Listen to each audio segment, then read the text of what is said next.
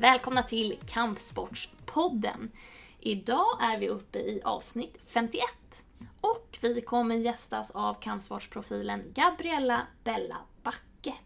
Men först till ett relativt nytt segment där vi har lite olika spaningar. Och Range, du har ju spanat in både ISA och UC den här gången. Exakt. Till min stora glädje har jag kunnat konstatera att Isa Tidblad Keskikanga som ett tag vann varenda match, VM, EM och rubbet. Sen började hon plötsligt förlora massa matcher och det spelar ingen roll om det var proffsmatcher eller vad det var. Det var förluster, förlust, förlust, förlust. Och jag har ju sagt lite så här att när man väl börjar förlora är det rätt att fortsätta.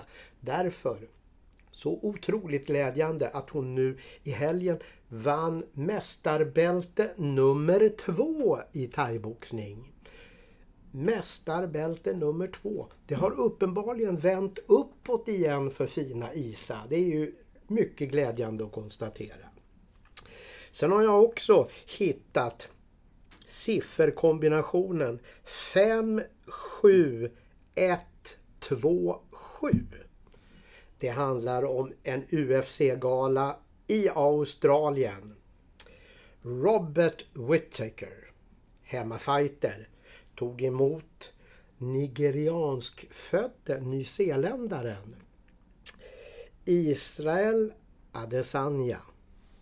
Det var den matchen förmodligen då som hade samlat 57 127 personer på en gala i Melbourne. Men jösses vad snopet. Därför att Whittaker sprang ju på en riktig snyting i slutet av första ronden. Klarade dock det, kom ut i andra, ny propp, domaren bröt. Så snopet det måste vara för stor publik. Att, och för att ge en liten relation, 57 000 då på UFC-gala. Ingemar Johansson gick ju i september 1958 en match som på något sätt var en VM-kvalmatch. Han mötte, ju Eddie Machen från USA då på nybyggda då Nya Ullevi. Det hade ju spelats en VM-semifinal med Sverige där tidigare på året men i september det här året så möttes ju Ingo och Eddie Machen. Och den matchen kom ju bara att vara 2 minuter och 16 sekunder. För då gick ju han, Eddie Machen alltså, i backen för tredje gången bara i första ronden. Och den, den där matchen tog ju ett väldigt, väldigt, väldigt tragiskt slut. Därför att Eddie Machen stod ju nära repen och han liksom föll aldrig riktigt i backen. Utan blev sittande på något sätt på nedre repet lutat mot de andra. Och, och domaren stod bara och tittade på medan Ingo liksom slog den redan försvarslöse Eddie Machen. Så han blev ju helt fördärvad och låg ju utslagen jättelänge efter. Och det här är ganska eh, jobbigt att tänka på därför att det är ju ingen som pratar om, om hur det slutade för motståndaren i den där matchen. Därför att när han kom upp efter den andra nedslagningen, han kunde inte liksom ens stå rak utan när han, benen liksom flyttade sig över varandra i sidled. Så den skulle ju ha brutits redan efter nedslagning nummer två. Men 53 600 någonting var ju då på Nya Ullevi och såg det där. Bara som, och, och, jag menar, då var ju det en stor svensk tungviktare i Sverige som gick en match om att få möta Floyd Patterson i, i, i, i om VM-titeln. Så att 57 000 på UFC i Australien är ju varken mer eller mindre än fantastiskt. Så man kan ju nu slå fast att den här sporten, MMA, den börjar få rejält fäste över hela jorden. Och tänk när deras kille nu på Nya Zeeland som ju har den här titeln, om UFC startar en gala där finns ju en ny landvinning att göra. Va? Sen är det ju säkert ingen som har missat att både Resa och Alexander Gustafsson kommer göra en comeback inom kort. Den 16 november är det dags för Resa uppe i Solnahallen. Och den 11 december är det dags för Alexander Gustafsson att göra comeback under AK Fighting Championship 3. Och det ser vi såklart fram emot allihopa.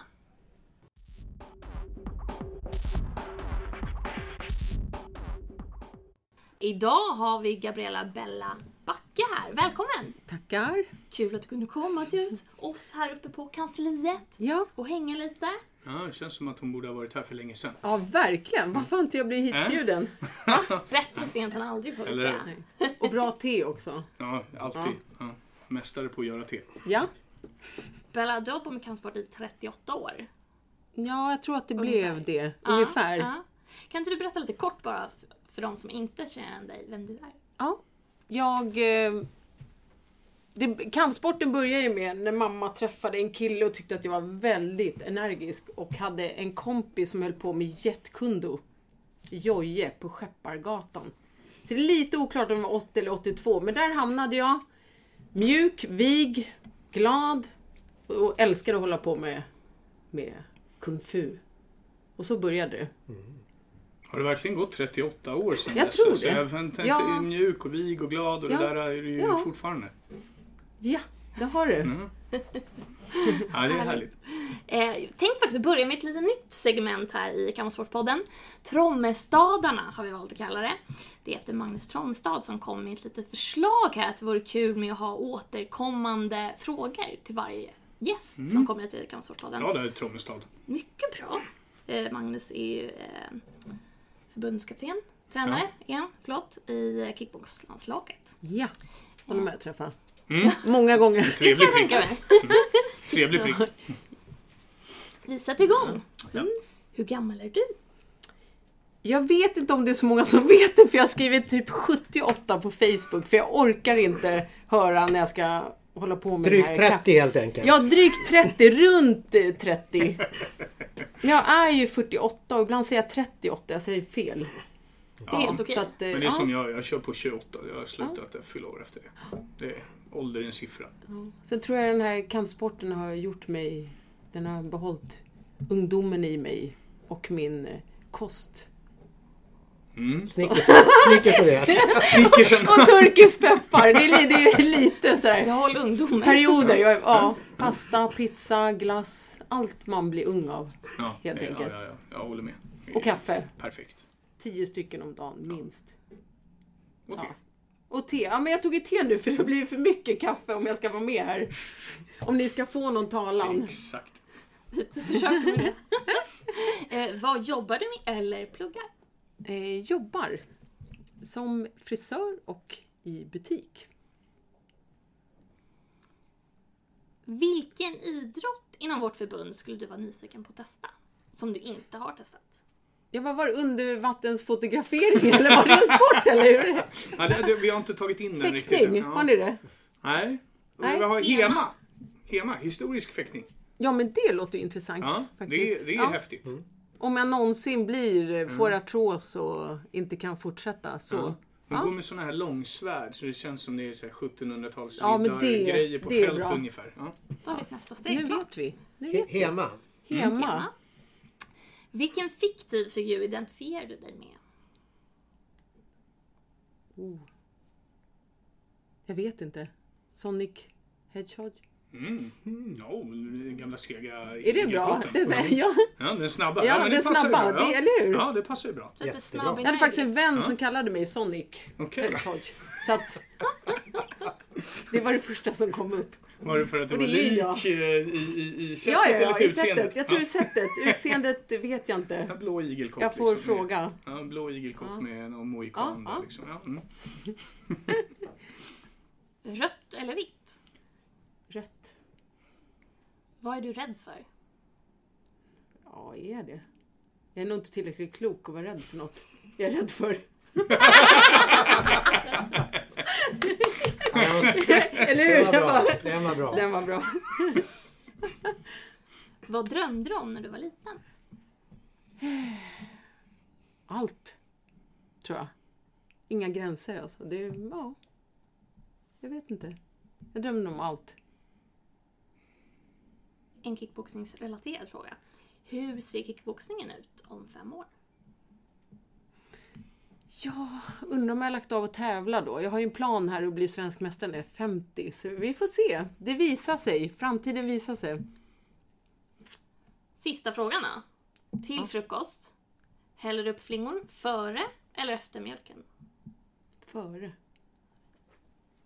Kanon. Då har vi fått lite bättre Ja. bild av Bella, ni som inte har träffat henne. Så, nu vet alla vem jag är.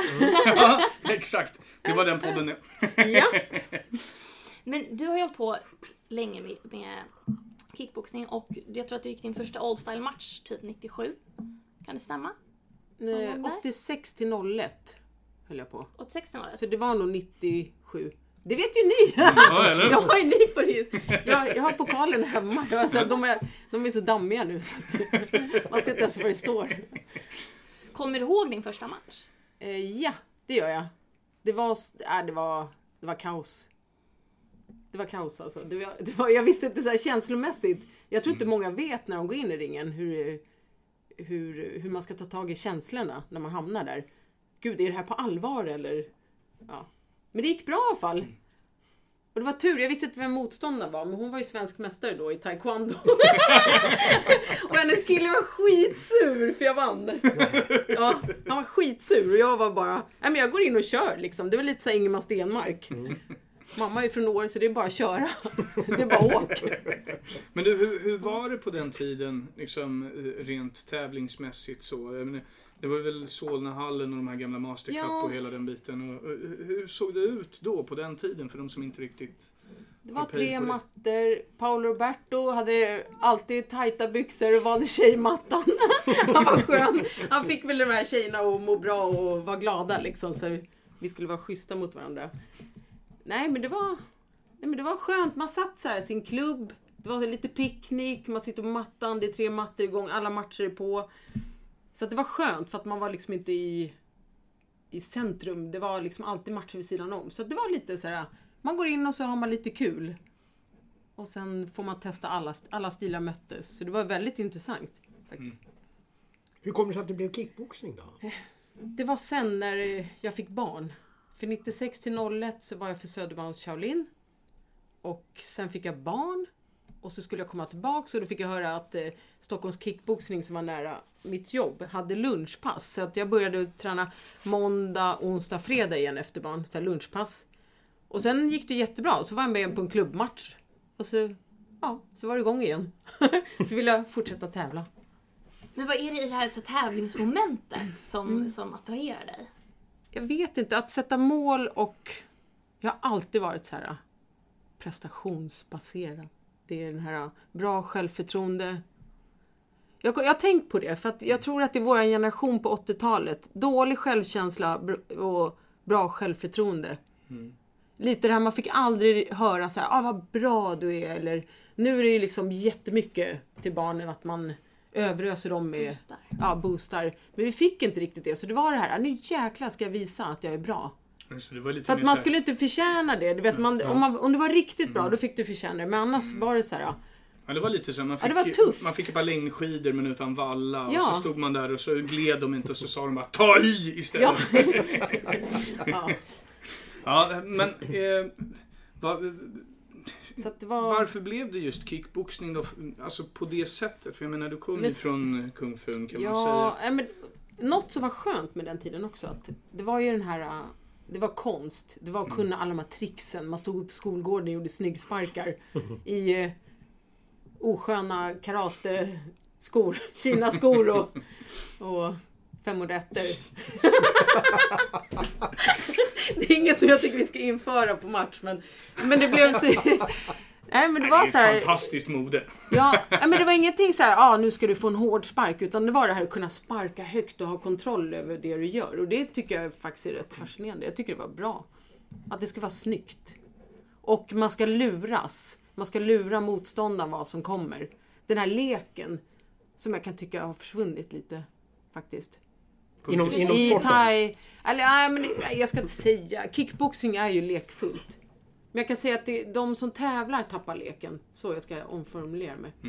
Att det är nog viktigt att tänka på att man ska gå in och ha kul.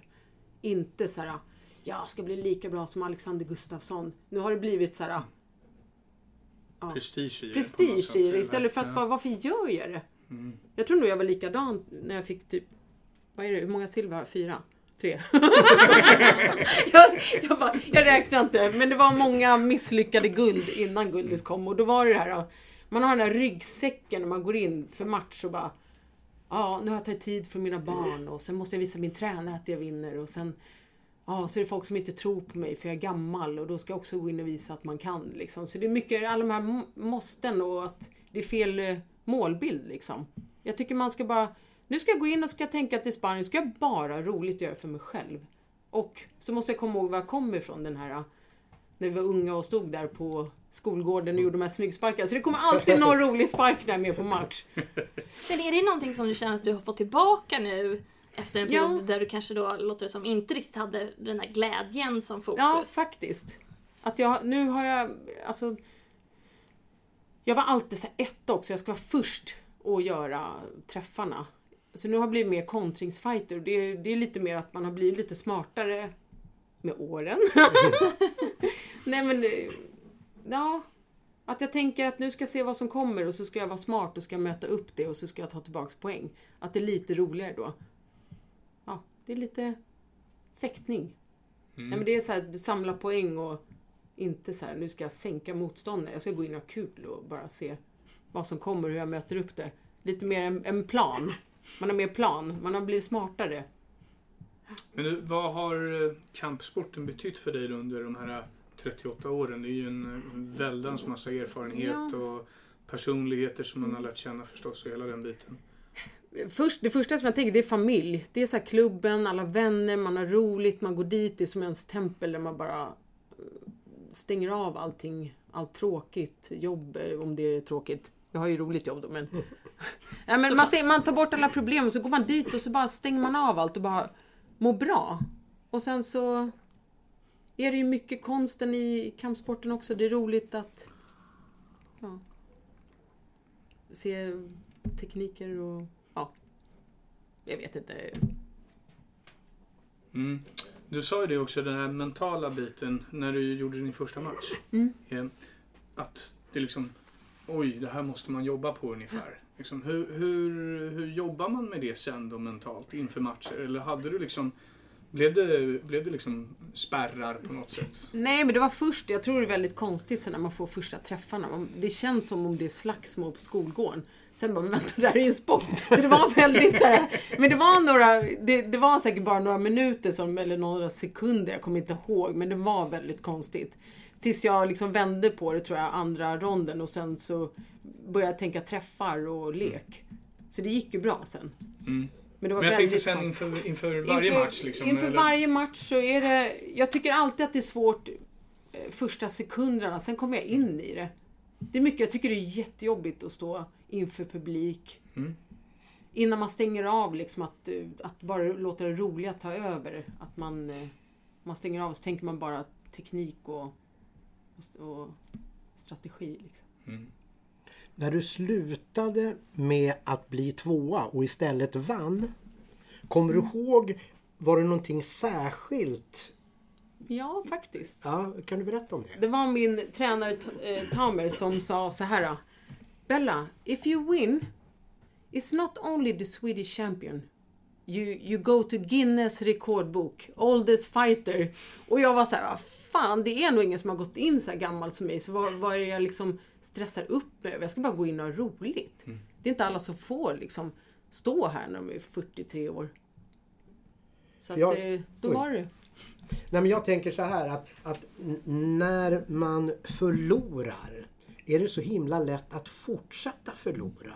Alltså, Ja, Jag- jag det blir tror- nog, det kan följa efter Ja. om man inte bara ändrar eh, liksom, inställning och får en skön känsla när man går in. Mm. Och det är det här att, så här, att tänka på, det är ju inte vinna som är, är viktigt. Nej. Det är ju inte det. Jag har ju fått guldet och bara, aha, nu då? Va, va, vad händer nu? Och det så tror jag många har när de kommer till toppen. att, ja vad gör jag nu då? Det är inte det som är viktigt. Det är hela resan dit och det är just det här med familj och gemenskap och att man har roligt under tiden man når målet och att det egentligen inte är liksom guldet som är viktigt utan det är mer ett test att se hur långt man kan gå. För mig är det så här, jag måste nog ha ett mål för annars är det bara konstigt. Och, och, och det, det, jag tror det är det som är mognad. Jag är nästan, jag är så här mest, att jag börjar tänka på så, varför tävlar man då? Fan man håller ju ändå på med någonting som är roligt. Så är det viktigt att tävla? Och varför tävlar man? Men det är just bara för att se allt man lär sig på lektioner, eller den man är, att se hur det är i praktiken. När man står där på mattan och man har stress och hur bra man fungerar. Att det är som ett test liksom. Stresshanterings... Stresshanterings... Ja, det är mest, jag har mest, tror jag, tyckt att det är intressant att se när jag står där och hur, hur jag presterar under stress. Och, för det är då man är duktig när det sitter i ryggmärgen. Och det ser man, många är jätteduktiga när de sparras. Men sen när de kommer in i ringen, man bara va? Vad har hänt med den personen? Den är skitduktig annars. Och det är just den här stresshantering och, och kunna liksom bara och koppla av och, och tycka om det man gör. Och, och förstå att, varför man står där. Jag tror många blir förvirrade. Mm, precis. Har den där insikten kommit efter det att du vann? Eller hade du den insikten även innan guldet så att säga? För jag tänker mig Mm. att när man kommer uppåt och når en målbild så kan man på något sätt andas ut lite. Eller hur, hur, hur var det för? Nej. Nej men det var inte efter guldet. För efter Nej. guldet skulle jag ta VM och så fick jag inte gå VM för då var jag för gammal. och då skulle jag kriga liksom mot, hela, mot alla lagar och regler. Liksom. Att vad fan, det spelar ingen roll om jag är 46, jag ska kunna ta VM. Ja. Och Ja, sen, eh, ja. Mm. Men sen, det- jag tror att det var när jag blev skadad. Mm. För att jag fick ju artros för två år sedan. Så nu står jag nyopererad med keramisk ytersättning. Och nu ska jag vinna guld. Igen. Igen i Sveriges mästerskap. 50 och med keramisk ytersättning. Det är bra mål.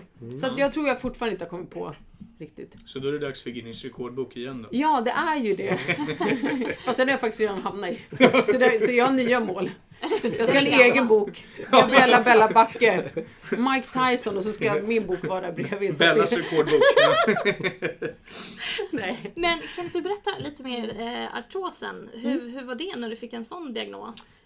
Jag trodde att det var så här, jag började få ont fortsatte, det var lite svårt att göra sparkar och sen så trodde jag att jag hade, eller jag hade ljumskbråck. Det är när man tar i för mycket och så brister bukväggen och så får opereringen i ett nät för det blir ett hål så tunntarmen sticker ut. Så har ni lite ont i ljumsken och kampsportare så kan det ha hänt. eh, men min fysioterapeut tänkte så här, men Bella du jätte... När jag gjorde mina övningar så hade jag fortfarande ont. Då var hon så här, det är inte ljumskbråck, jag tror du har fått artros.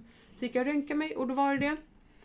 Då ville de ta min höftkula. De ville göra mig till pensionär, men det går inte. Du kan inte göra Bella Backe till en pensionär och rörelsehindrad. Så då håller man på och googlar och så får man upp Claude van Damme. Och han har gjort Epic Split mellan Volvobilar.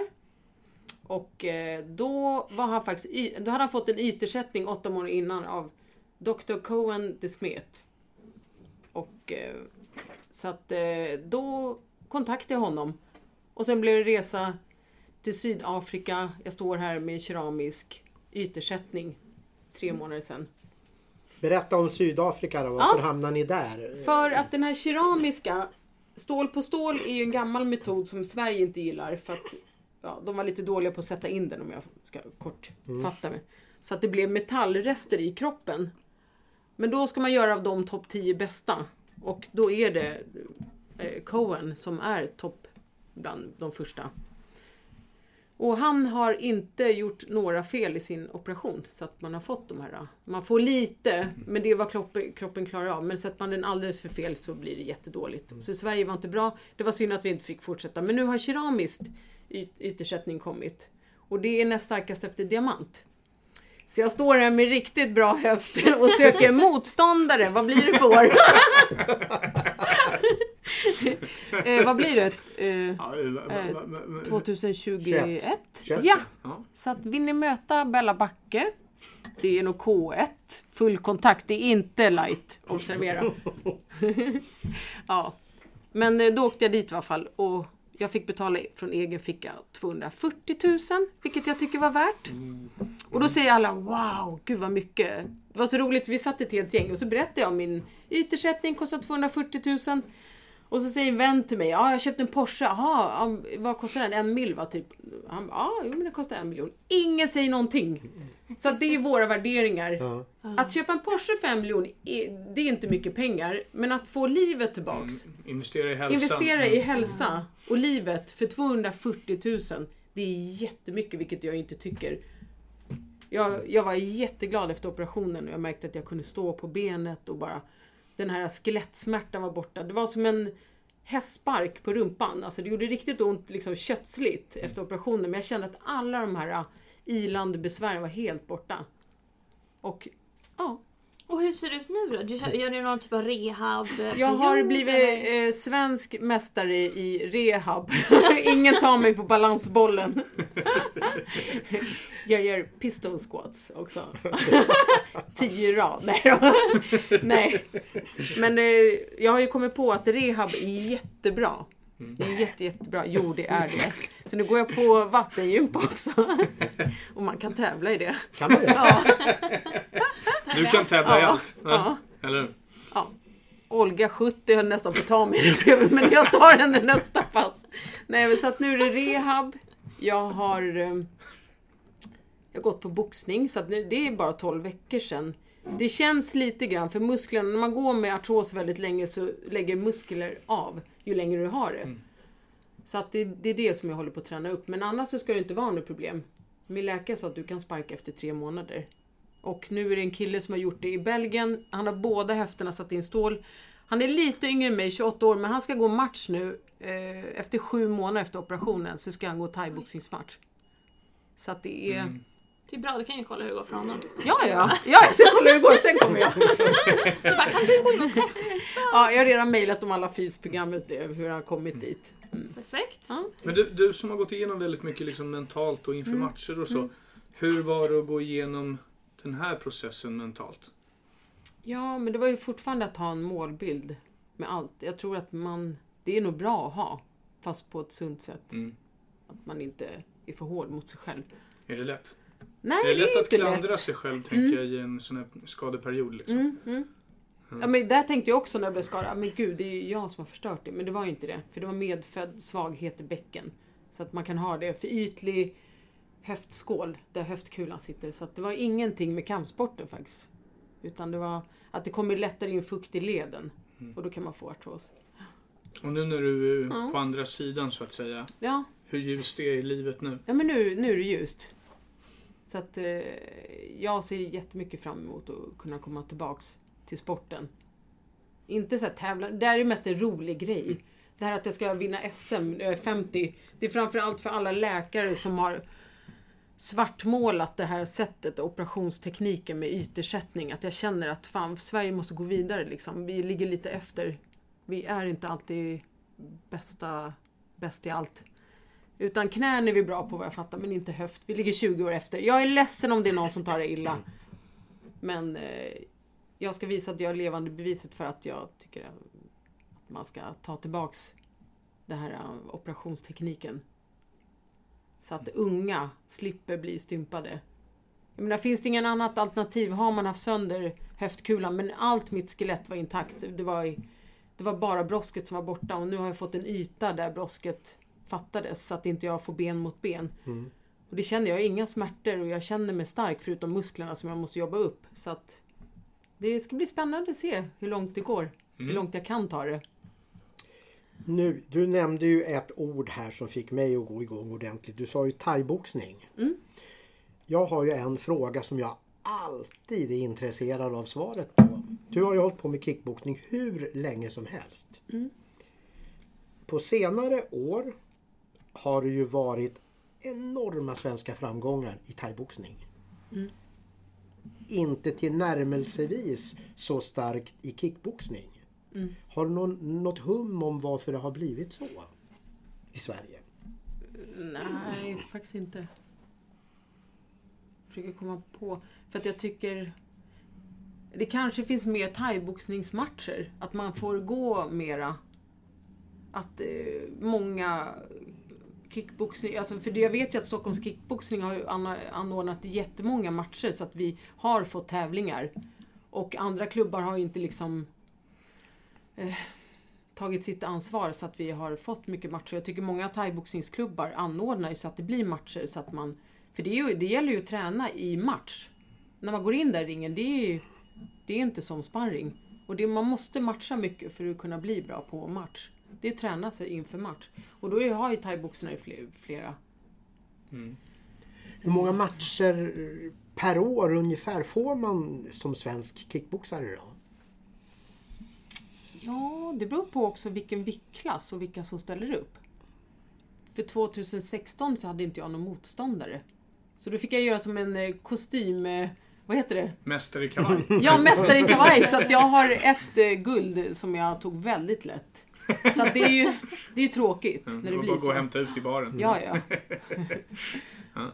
Men alltså, Så att kan det vara så att... regler också. Ja, Jag ja. kom ju på det. Att det är ju faktiskt... Ja, att du måste ha gått visst antal matcher för att kunna vara med i kickboxning. Om du är thaiboxare så måste du ha gått kickboxningsmatcher. Vet jag att det var förut. Ja, det kan ju SM, du svara på. Ja, jag vet, Jonathan. inte hur, jag vet faktiskt inte hur det är där, men jag, jag tänker mig att eh, om, man, om man ser till liksom, när jag kom in i förbundet 2009 och så, Mm. så var det ju ett väldigt starkt kickboxningslandslag då. Mm. Med liksom Caroline Ek och det var Mm. Anna Christiansen och det var Therese Gunnarsson och det var Nisse Widlund och Mm. Björn Köllerström. Och det, alltså det, var- det var en uppsjö av eh, Karin Edenius. Mm.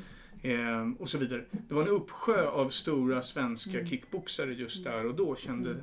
Och thaiboxningen hade ju inte den Nej. liksom, eh, framgången då på, eh, på, på, på landslagsnivå. Och sen har det där skiftat lite. Und, undra om det kan gå... Det går ju trender Ja, i Sverige. det. Mm. Det är ju en trend liksom. Först skulle man hålla på med kung fu. Karate säger fortfarande de från 80-talet. Vad är det du håller på med? Karate? Då var ju det jättestort. Mm. Och så var det kung fu. Ja, Och sen blev det ju kickboxning blev ju jättehäftigt liksom. Ja. Och sen så nu är det ju thaiboxning. Nej, nu är det MMA. Ja, nu är det MMA. Och brasiliansk jiu-jitsu. Mm. Så att det går ju trender i Sverige som vi följer. Oavsett liksom vem du är så är det så här, det här ska man hålla på med. Men du, det, det, måste jag, ja, det måste jag fråga ändå när det blir de här trenderna. Du som ändå var inne i kampsporten. Hur var det på liksom 90-talet när Karate Kid-filmerna kom? Alltså kommer du ihåg det där? Jag Var, var, var ju- jag var ju där lite- då, och så var Ja. jag. Jag gjorde ju de här. Du gjorde... Ja, karate. Gick Tranan upp, och- jag gick upp. Jag var Odenplan fighter, så att där stod jag med mina spark... Nej. Nej, men, Eh, blev det, alltså, kände du av någon sån här effekt av de filmerna där och då? Eller var det liksom Ja, det same man. same? Ja. Det tycker jag nog. Mm. För det Men- var... Men det var väldigt, jag tycker så här på 80-talet, jag kommer ihåg, det var ju så här när vi var unga, ah, vi har ingen ungdomsgård. Men det var ju liksom, stan var vår ungdomsgård. Vi, vi gjorde jättemycket, det var graffiti, det var, vi dansade breakdance, electric boogie, det var kung fu, karate, det var ju, det var ju så mycket jag höll på med. Ja, just det, jag är ju tredje bäst i Sverige på rullskridsko-disco också. Marmahallarna på Stureplan, där var jag och min tränare. Och så gjorde jag spider, då går man ner i Oh. split. Och så åker man på bakhjulen och så tar man fart med armarna. Så att det fanns ju mycket från, på den tiden tycker jag att göra, fast vi inte hade ungdomsgård. Så vi, hela stan var vår ungdomsgård. Så att det var man var inte hemma och spelade spel eller gick runt med mobiltelefon. Mm.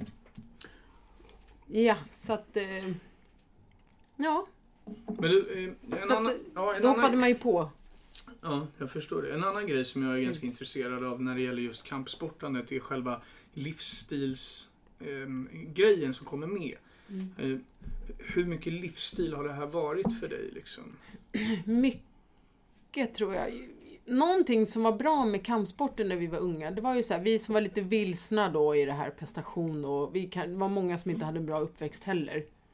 Och då var kampsportsklubbar lite det här som en pappa. Tränarna där hjälpte ungdomar, det var mest killar som hade hamnat lite snett. Och så började man träna kampsport. Och det var ju jättebra för då fick ju de ett intresse och en idrott att hålla på med. Nu har ju det försvunnit. Det, jag tror fortfarande att det är en terapi, det är en bearbetning. Med, lite med stående kampsport det här, att det är skönt att gå och slå av sig lite. Men det är mera vardagsstress nu tror jag det har blivit. Och det är väldigt fungerande och man ser mycket depressioner som är nu. Jag hörde det på någon podcast att jättemånga går in i väggen och eh, är stressade och går på lyckotabletter. Och de som slutar är de som börjar träna. Att eh, träning är ju väldigt bra för depressioner. Och kampsport.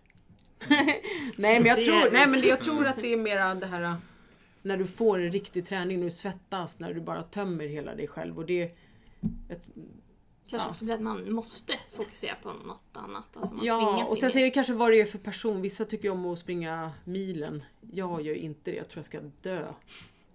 Jag tror mitt hjärta ska stanna. så, ja, jag är mer den här kort intervall. Intensivt. Eh, så finns det ju de som gillar att gå och simma, att det är terapi för dem. Så att det gäller att hitta sin... Men sport är ju väldigt viktigt. Och på 80-talet så var kampsport någonting som var bra för ungdomar. Så att det var ju... Mm. Och jag tror att det är det som, det har blivit lite dåligt med det också, för det var ju så här som, eh, det är ligister och det är stökiga människor som håller på med kampsport, vilket jag är väldigt tacksam har försvunn, försvunnit nu, för det är en sport. Det gäller bara det att den som går in inte ska ta med sina privata problem, liksom, för då kan det ju gå illa. Att man jobbar med sig själv också. Och det tror jag är väldigt viktigt för kampsport, att man jobbar med sig själv. Och mognar. Då blir du nog bättre där inne när du går match också. Ja, Får jag ta upp en helt Ja. annan fråga? Du nämnde eh, dina barn lite tidigare. Mm. Eh, jag var lite nyfiken på hur, hur är det att liksom kombinera så här, mammarollen med att ändå göra så här, stora tävlingssatsningar?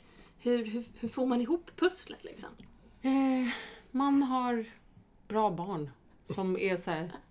Jag har gjort dem, de är väldigt sociala, alla mina vänner säger att dina ungar är så gulliga, de följer med på allt. Alltså de, de umgås med vuxna som barn. De är väldigt lätta och de följer alltid med mig till klubben. Ibland sa de så här, äh, det luktar så äckligt här nere på klubben så vi går till mormor för hon borde bara tre kvarter bort. Så att det är mycket med familj också, för det är mycket tid. Det är faktiskt det. Och det var ju det jag kände sen jag gick in och skulle gå match. Att, gud vad mycket tid jag tar för mina barn. Det, jag tror det är för alla idrottsmänniskor. Att det, man har lite dåligt samvete gentemot barnen. Man har dem en gång i livet och så är det väldigt mycket tid. För att man jobbar, man får inte ihop det tidsmässigt.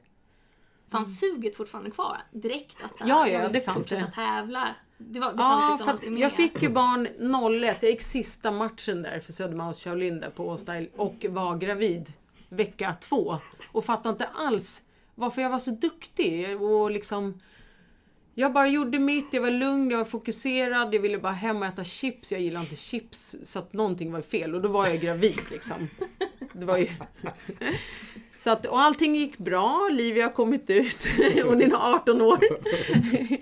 Så att, eh, ja. Då... Du tappade tråden.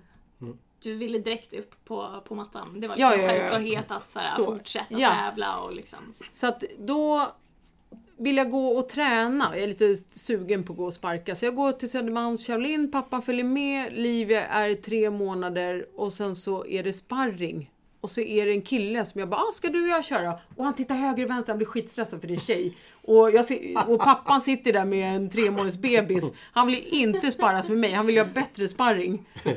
Och då står ju Tabo där, han står ju bara och garvar. För han vet att jag är duktig och den här killen vet inte vem jag är. För jag har varit borta ett tag och han är mellangrupp. Så att eh, han fick smaka på sparkar i huvudet. och så sa jag för sig, jag sa ju innan också, det var inte schysst. Jag bara, vad det än gör, slå inte på mina bröst. Det kommer göra ont på dig. Så att, eh, så han var nog lite stressad där, det var inte schysst. Men det gick bra. Och jag hade suget. Så att man har ju det. Men man har inte tiden.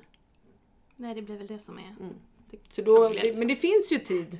Man har alltid tid om man bara pusslar till allting i hela li- livspusslet.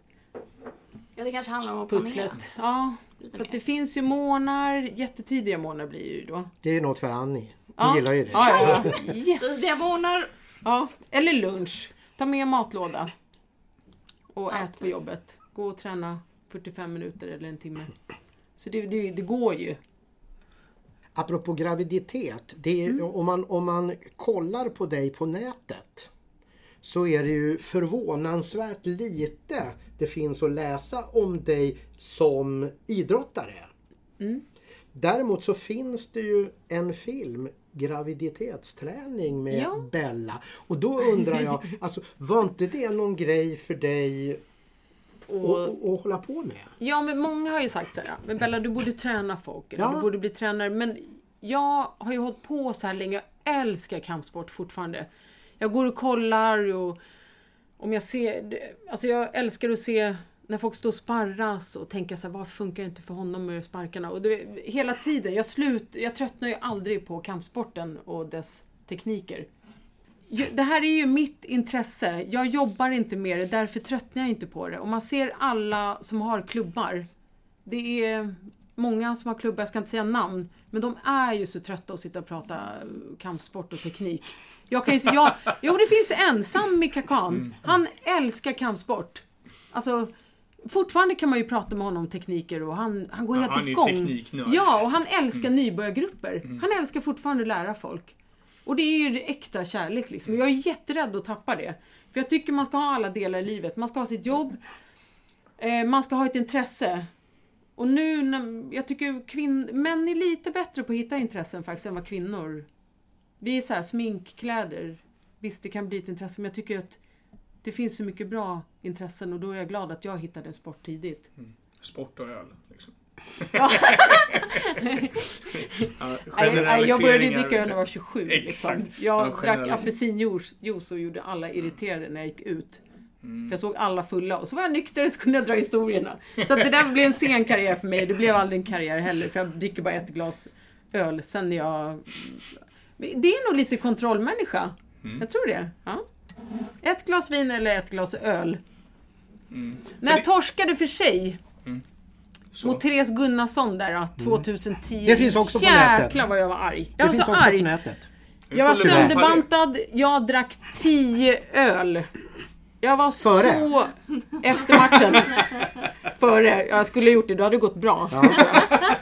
Då det var drunken master, det är ju liksom 80-talsstilen. Också rekord. Så länge Ja. de inte hade dykt upp Det kunde ha kommit i. Guinness. Ja. Kunde ha kommit i Guinness. Ja, gud ja. Den mest onyktra fighten Ja. någonsin. Och eh, I synnerhet alla skulle, alla skulle börja dricka öl innan, innan match I liksom. synnerhet om de Fast hade skulle man- druckit Guinness. Ja. Mm, mm. Men, Nej, det var ingen höjdare faktiskt. Det var inte så bra att dricka 10 öl faktiskt. Men, för det är ju en grej liksom det här med, med kampsporten också. Att hålla koll på kosten, vikten, känna liksom att okej, jag får inte gå upp för mycket här för jag har match om två, tre månader. Liksom någonting sånt. Ja. Alltså, hur har du skött det där? Liksom, har du haft problem med det på något sätt? Nej. Liksom? För det kan, det kan ju gå åt liksom, båda håll där lite. Ja, alltså, ja, min tränare Sammy. Alltså jag är ju gamla eh, soffan på klubben som vägrar ge upp liksom. Och så kommer Camilla Rivola, nya stjärnan, 24 år tror hon var. Och så är Haggan kvar liksom. Och så har vi samma viktklass. Haggan är du då? Ja, det är jag. sammanhanget. Varför? Fast för sig Sammy, alla tjejer på klubben är hagger. Eh, så att då var det ju jag som skulle gå ner i vikt fast jag ser ut som ett revbensspjäll. Jag ser ut som torkat renkött. Då skulle jag ner. Han var helt... Han bara, det är hur lätt som helst. Vad snackar du om Bella? Det är bara att gå ner fyra kilo eller vad det var. Wow. Ja, nej, det var nu tre kanske. Vilket inte är lätt då. Nej, jag har bild på det. Jag ser ut som Iggy Pop. Alltså med en sporttopp. Jag sa det, du får betala bröst och restaurang i hela ansiktet och kroppen efter den matchen. Jag gick in och det är det läskigaste jag varit med om. Du vet när du inte har koll på dig själv. Jag är ingen bra på att banta heller. Och jag tror faktiskt att det är många klubbar som faktiskt inte kan det där om kost och när man ska gå ner i vikt. Jag tycker det är osunt. Så att det var den sista matchen jag gjorde minus 52 som eh, torkat renkött Iggy Pop. Den kommer jag aldrig om. Så att då var ju Camilla Rivola var ju med året efter också. Och då sa jag Camilla, du får den viktklassen. För att hon är ju ändå den nya stjärnan och jag gamla soffan. Så jag tar viktklassen över. Så då vägde jag 54 när jag gick 60. Åh jäklar. Ja, och det Det gick tufft. skitbra. Gjorde det? Ja, för att jag var pigg i huvudet, jag slår jäkligt hårt, jag är snabbare än 60 kilos klassen. Jag lärde mig slå magen. Och jobba högt och lågt. Så att det gick faktiskt bra. Sen vann jag guld i de, den viktklassen, 60. Mm. Så att eh, man, är, man är snabbare. Och då är ju poäng. Kickboxing är poäng. Och Men- det, det var inte så stor skillnad på kraften heller. Nej. Och det, det är någonting jag hade tänkt att kolla med dig också. Sådär, alltså, alla de här åren, alla den här erfarenheten som du har med dig. Eh, vad skulle du säga är dina styrkor idag som eh, kampsportare kontra mot när du Mm. eh, härjade som mest kanske under Ja. liksom, 90-talet? Det är nog den här blandningen i min stil också med kung fu, Svårläst. med att, ja, svårläst. Man vet aldrig vad som kommer, inte ens jag. De- det bara kommer. Det har börjat sitta i ryggen nu. Eh, nej men det är en blandning av stilen tror jag, att just pushkick ansiktet. Jag tror att jag var en av de som började med dem på match. Nu är det ju jättestort i UFC och allt med pushkick i ansiktet. Och det var ju såhär kung fu och jag tänkte så här, jag hade en liten strategi, det var därför jag började med pushkick, att tjejer är jätterädda om ansiktet. Jag börjar med det på matchen och då skrämmer man. Så det var det jag började med, pushkick i ansiktet, sen visste jag vad jag hade dem. Eh, ja, ful taktik men det är en plan. Mm. Nej och sen så kom, och den är ju bra i thaiboxning också när de kommer in och ska clincha för då kan jag dra pushkicken från, eh, Mm. på nära distans. Att bara sätta den under hakan när de ska komma in med bägge armarna och Och hålla clincha. på avstånd. Liksom. hålla på avstånd. Och det var faktiskt så jag vann mot en som vann VM och jag vann över henne tre veckor innan. Susan, karaoke. Nej, du får inte säga. Fast vi har 1-1. Vi har 1-1 Ja, faktiskt. Men visst var det den matchen? Ja, jag, det minns den den, jag matchen. minns den matchen. Det var Ja. på eh, Stockholm kickboxning. Ja, och hon ville komma in och clincha för vi hade gått, en, en, eh, vi hade gått söderslaget mot varandra 2010. Då hon vann. Och det var i clinch, för jag var inte så duktig på det. Och hon gjorde knän mot låren, du vet när hon clinchade, jag bara Shit, aj vad ont jag gör på låren! Hon bara satte så här knän mot låren, det var ju något nytt för mig. Och sen gick vi match senare för att jag skulle gå SM. Och sen så behövde Susan någon match, jag, vi gick match i alla fall. Jag kommer inte ihåg varför hon behövde, men vi gjorde det. Och då sa Tamer så här, Bella det är jättebra för dig att gå mot Susan, för hon är superduktig. Sen när du går SM så kommer det vara bra för dig. Så vi gick den matchen. Eh, jag visste att hon skulle komma in och clincha.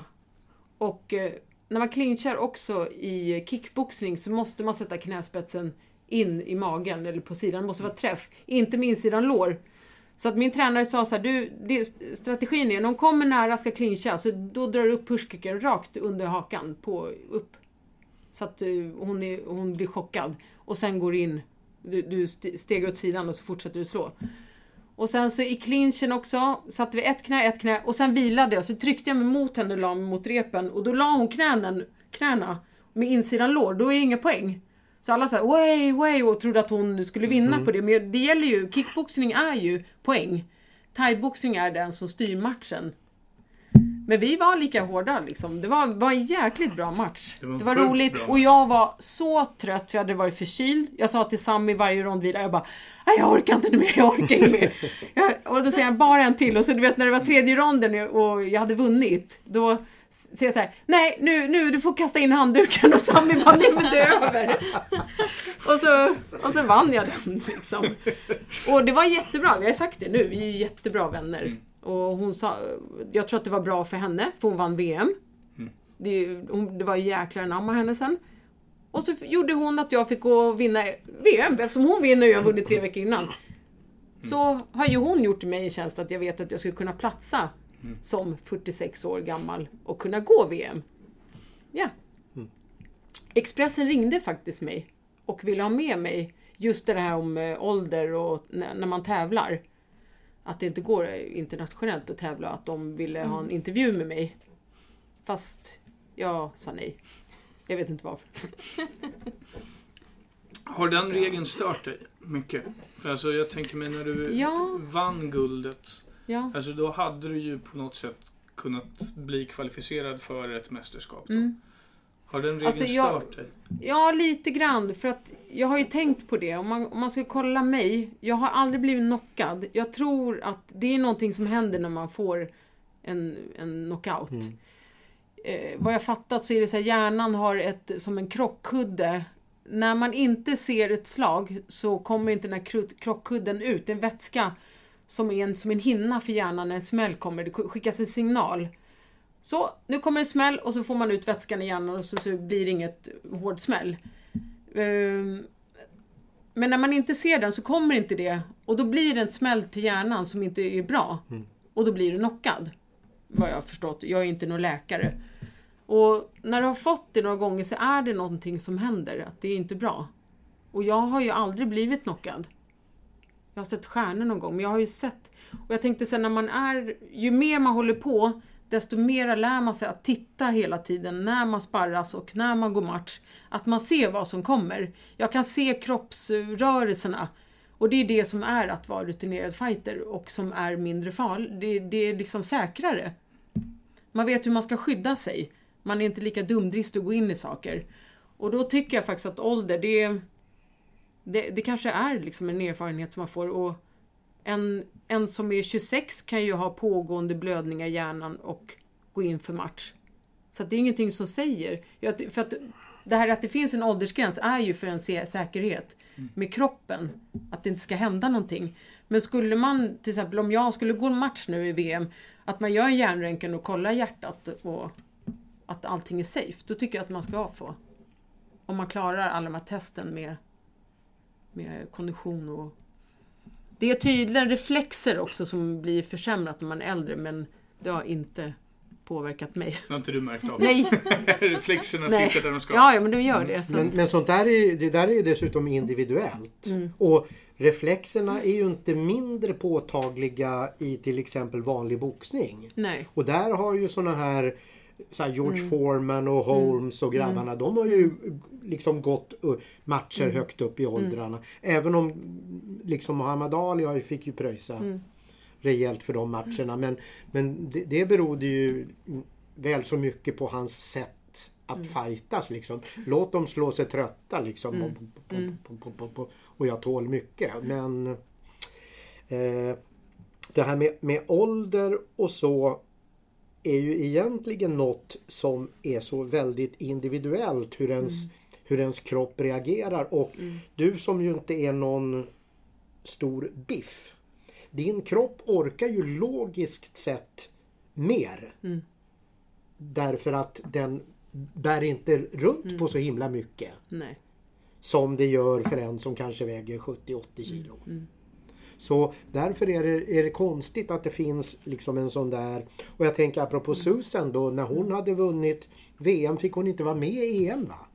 Mm, ja. För hon fyllde... va- Gick hon inte... Ja, hon gjorde Ja. det. Det är någon åldersgräns Ja. Ja, det va? var någonting Mm. För sånt. att hon det, gjorde innan. jag, tror den, eh, jag tror den åldersgränsen också, jag ska låta det vara osagt sådär Mm. empiriskt kanske, men jag tror att den åldersgränsen satte käppar i hjulet även för Elina Nilsson. Ja. Men, men, men visst var det så att Ja. Susan inte fick Ja. vara med på Ja. EM senare på hösten? Ja, jag tror Ja. det. Jag tror det.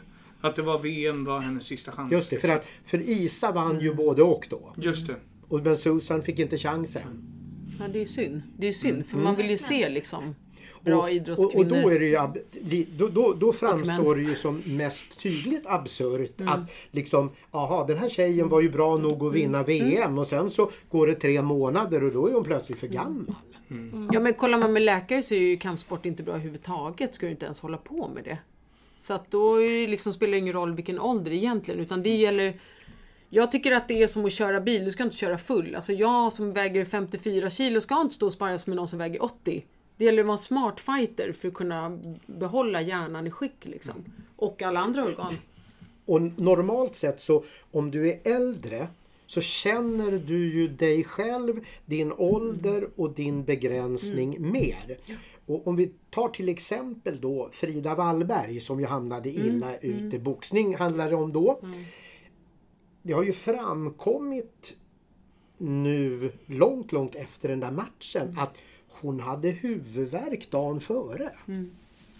Och, och jag menar, har man det då kanske man ändå ska satsa på att ställa in den där matchen. Det har ju, vi, eh, vi på förbundet har ju tagit ett sånt, eh, ett sånt beslut att samma regler ska gälla på, på träning som på tävling. eh, om du blir knockad eh, exempelvis. Då är det ju karantän precis som om du blir knockad på, på tävling. Det gör Hur, hur lång tid är det som man Ja, det är har? fyra veckor tror Ja, jag en som månad, är ja. minimum. Eh, Jag kan inte riktigt Jag tror det, för det var det jag tror ja. tänkte. En månad tror jag. Ja, eh, det kan ju vara mer beroende på. Jag tror, att, det- jag tror att det har med att göra med hur många gånger du har blivit knockad också förr.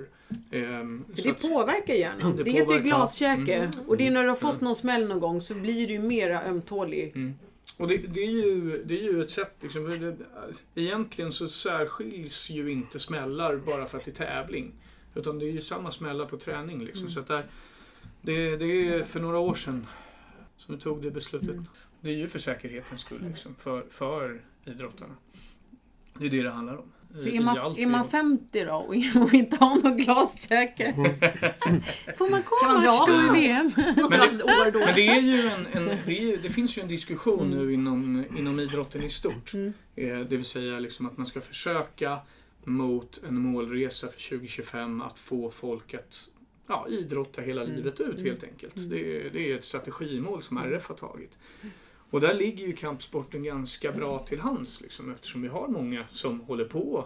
Med, eh, alltså, eh, jag menar, när man slutar tävla Mm. så slutar du ju ofta inte med kampsporten bara för det. Utan du håller ju på ändå och tränar och kommer på dina Mm. pass och gör eh, si och så. Liksom, Medan det kanske är mer så i andra idrotter att man liksom, när tävlingen är avklarad så är karriären avklarad ungefär. Mm. Så det är också en bra grej med kampsport. Det är ju en Mm. bra träningsform liksom. Mm. Du sa ju att du aldrig hade blivit knockad. Nej. Men ha, ha, hur, alltså hur många gånger kan du säga att det var ändå väldigt nära där? Kan, ha, ha, har, har, det, har det för... Ja, jag har fått nå någon stjärna har jag sett. Har du det? Ja. Nej men alltså eh, Men- så att du kan säga att det var, där var det nära att jag gick ner. ja, någon. Bara någon alltså Ja. under hela Ja. din karriär. Och det var en riktig sluggerkille. Så att det är de där man väljer sparring. Jaha, det var på sparring till och med, inte Ja. i en match? Nej, det var på sparring. okej, ja. Han blev jätteirriterad för jag var kvinna. Mm. Och fick in träffar. Så då så började, så började, skulle han börja köra slugger, slugger. Han skulle knocka mig. Och jag kollade för jag hade inte sett honom innan men han hade ett par thai-shorts. Jag tänkte han är nog duktig. Mm. Men det, ja. det man är inne på lite när man ser dina matcher, det, det som Range inne och berör lite här liksom med träffar, ordentliga träffar. Alltså, tittar man på dina matcher så är ju din guard, den är ju alltid en av de bättre. Alltså på, på galor och så. Du, du skyddar dig ju väldigt, väldigt klokt. Och du rör dig väldigt klokt. Så jag tror det har med mycket Mm. det att göra. Att du, liksom, du, du litar väldigt mycket till din blick, eh, tänker jag. Och du skyddar dig väldigt, väldigt bra. Jag är väldigt duktig på det. Mm. Eh, vi, jag, jag, såg det här, jag var på en, thaiboxningsgala för ett par helger sedan. På eh, Maximteatern. Och det var en, en norrman där. Som hade så otroligt vacker gard. Och det gick inte att komma förbi den garden. Liksom. Och han, han stod bara och tog emot och tog emot och tog emot. Tills han i andra ronden ökade takten och vann. Mm. Och, och då kändes det som att eh, den han mötte hade, hade ju liksom jätteövertag. Men hade ju inte fått in speciellt Mm. mycket träffar egentligen. Och hade inte vett att slå mot kroppen. Nej, egentligen kanske inte. Nej, så att, Känns men det finns ju någonting i det liksom, Ja, ja. tänker jag. Att ju, alltså, man måste ju vara, som du, som Och- du kommer tillbaka till hela Ja. tiden, vara smart. Liksom. Att vara smart. Och sen så motståndare som inte är smarta. För om jag kollar eh, boxning på många. Så är allting bara att träffa huvudet. Ja. Ingen, inte en enda, alltså det är få tjejer, killar lite bättre på kroppslag. Så jag kanske ska bli så här tränare och få tjejer att börja Köra slå boxning. magen. Så- Nej men just att köra så här slag med, med att försöka komma in på magen, sänka, få motståndaren sänka Sänka garden och så gå in med en overhand eller en krok. Att man jobbar sig in för att nå käken. Det låter ju väldigt hemskt här. Alltså. Kanske börjar bli Men för det- gammal. Nej, men eh, för, för, Så- för det jag tänker mig är liksom så här, du pratar om eh, eh, tekniker och det är väldigt, väldigt kul att lära sig fortfarande och Mm. sådär. Eh, Då vill jag veta lite så här, vad är det för teknik som du inte klarar av som du skulle vilja klara av? Just nu i huvudet så sitter ju allt. Det gäller att få ut det i kroppen. Jag har ju haft två år på mig att titta. Mm. Nej men det är mycket sidoförflyttningar, man dansar undan, eh, man rör sig sidled. Det är nog det som många är mest svag, att man går åt fel håll också. Till motståndarens eh, främre ben ska man röra sig åt sidan. Om man har vanlig stance så ska du röra dig åt, vad blir det? Jag som kvinna, höger, vänster. Mm. Vad blir det? Det blir åt höger ska man röra sig. Eh, Och det är många som faktiskt inte på avancerad nivå klarar av. Det börjar bli bättre nu och det tror jag MMA är faktiskt bra på det. På sidoförflyttningar tror jag. Eh, Thaiboxare... Eh, det, det, jag tycker många som man ser, det är framåtdrivande. Det är inte så mycket st- stepp åt sidan, det är mer kickboxning, den här dansen. Jag hoppas jag inte förelämpar någon nu. Men... Nej, men man tar ett steg. Men det är mycket mer dans tycker jag. i MMA, de här sidoförflyttningarna, rörelse, kroppslag. Eh, Så att det har jag nog blivit bättre på. Att få in kroppslag, sidoförflyttningar, eh, eh, blocka med ben, att du inte får sparkar. Det var jag jättedålig på som kickboxare. När jag körde mot Susan till exempel. Att man åkte på mycket low kicks. Hur länge kan du se dig själv eh, hitta mål för vad du ska Mm. göra framgent? Ja, det, det beror. Jag Det tror- behöver inte ens vara kickboxning Nej. då utan Jag har svårt att sluta, tänka mig att jag någonsin skulle kunna sluta och hitta mål och... och med, för får man kolla med kampsporten, man blandar ju in allt. Det finns ju lärare från alla stilar. Och en sån fighter som har alla stilar i, är ju så himla rolig att titta på. Det är underhållande. Att inte veta vad som kommer, att inte vara enformig. UFC är väl det jag kollar på liksom. Och då är det ju mycket, man ser att ja, där är en boxarstil liksom. Eh, sen när det kommer in någon som är helt komplett så kommer med de där snyggsparkarna, man blir så lycklig. När det är något som överraskar. Att när man är stor i registret. Har du en liten extra fallenhet för just Snyggsparkar. sparkar? Ja, men det är ju något. Det är något där. Man hör det. Det är, det, Ja. det, det, det är gamla Om det var Chuck Norris, Bruce. Lee Ja. eller om det var Karate Kid. Jag tror en mix av allt. Ja. Och Sonic där. Och Snabb. så, Sidoförflyttningar. Sonic. Sonic. Ja. Börjar vi bli... Ja, jag tänkte att vi skulle övergå till lyssnarfrågorna faktiskt. Oh! Tror att jag vet. Vi får väl se. Jag tänkte faktiskt fråga, en av dem tror jag att du kanske misstänker vem det kan vara. Men jag börjar med den andra. Ja, gör det. Vad är de viktigaste faktorerna till att bli en framgångsrik fighter? Ja, det är nog vara ha stort register. Och ha glädjen i fightingen. Alltså det är nummer ett. Ha glädjen kvar. Så att man... Och det, är, det, det, det kommer jag också på, att det är jättesvårt när du ska gå match för att du, du har bantat, det har blivit för mycket träning, du har liksom fått umgås med familjen för lite, så ska du gå match och ha kul. Ja, det, så det är nog det. Det är nog jätteviktigt. Nu kommer frågan som jag tror att du kanske vet vem som står bakom. Du får gissa efteråt. Sara? Wahlberg. Nej. Eh, varför försöker du alltid sparka huvudsparkar i första ronden när alla i din ringhörna säger Hej sparka mot? Nio poäng. Yes! För att det är så kul! Så hej, så har du lyssnat på det här så nu vet du varför jag gillar det. Det är ju de där snyggsparkarna. Och sen är det ju den där pushkicken då, som jag fått från Södermalms Shaolin, att lägga den rakt upp på en, en eh, kvinnlig motståndare. Då fick vi svar på den. Ja! Bra fråga av Hayes. Ja, och sen vet han att jag hatar att vara ute och springa. Jag tror att jag ska dö. Så då säger han, du kan inte börja med huvudspark i första ronden för då blir du trött sen. För du har så här mycket muskler och då dör du ut. Ja. Allt går. Ja. Bra Hayes. ja. Jag trodde faktiskt att så här, hur kommer det sig att du är så vältränad och deffad? Du måste ha jättebra kosthållning. Så trodde jag det skulle vara en fråga. Då kan du ju få svara på den. Ja, och det är för att jag sitter aldrig still. Jag är den som hämtar fjärrkontrollen och vattnet hemma. Jag är ingen soffsittare och sen så är det ju träning. Ja, Fan, det är det man ska börja Ändå med. kallade du dig Sen är det själv för lite- soffa ju. ja jag vet. Jag vill gamla soffan. Ja. ja, någon dag sitter jag väl i den. Men inte idag. Men då får vi se då när, när, när det börjar bli dags för SM om två år. Ja. Hur, hur det ser ut då. Jag har redan sagt att. Hayes Jemide ska coacha mig. Mm. Då, då blir det inga de där snyggsparkarna Nej, första nej, nej, gången. nej. Ja, och sen får vi ju se då när du eh, tar dig an heman då. Ja, just det. Ja, Det, blir ju, det kommer bli ett bra poddavsnitt. Oh ja. ja. Bella på Hema.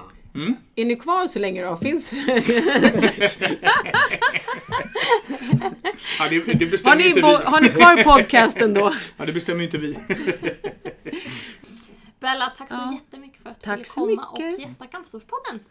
När vi ändå är inne på ämnet kickboxning så kommer vi inom kort släppa en podd med Magnus Trommestad och Mattias Grimberg som båda är landslagscoacher för det landslag som åker med till VM i kickboxning i Bosnien inom kort.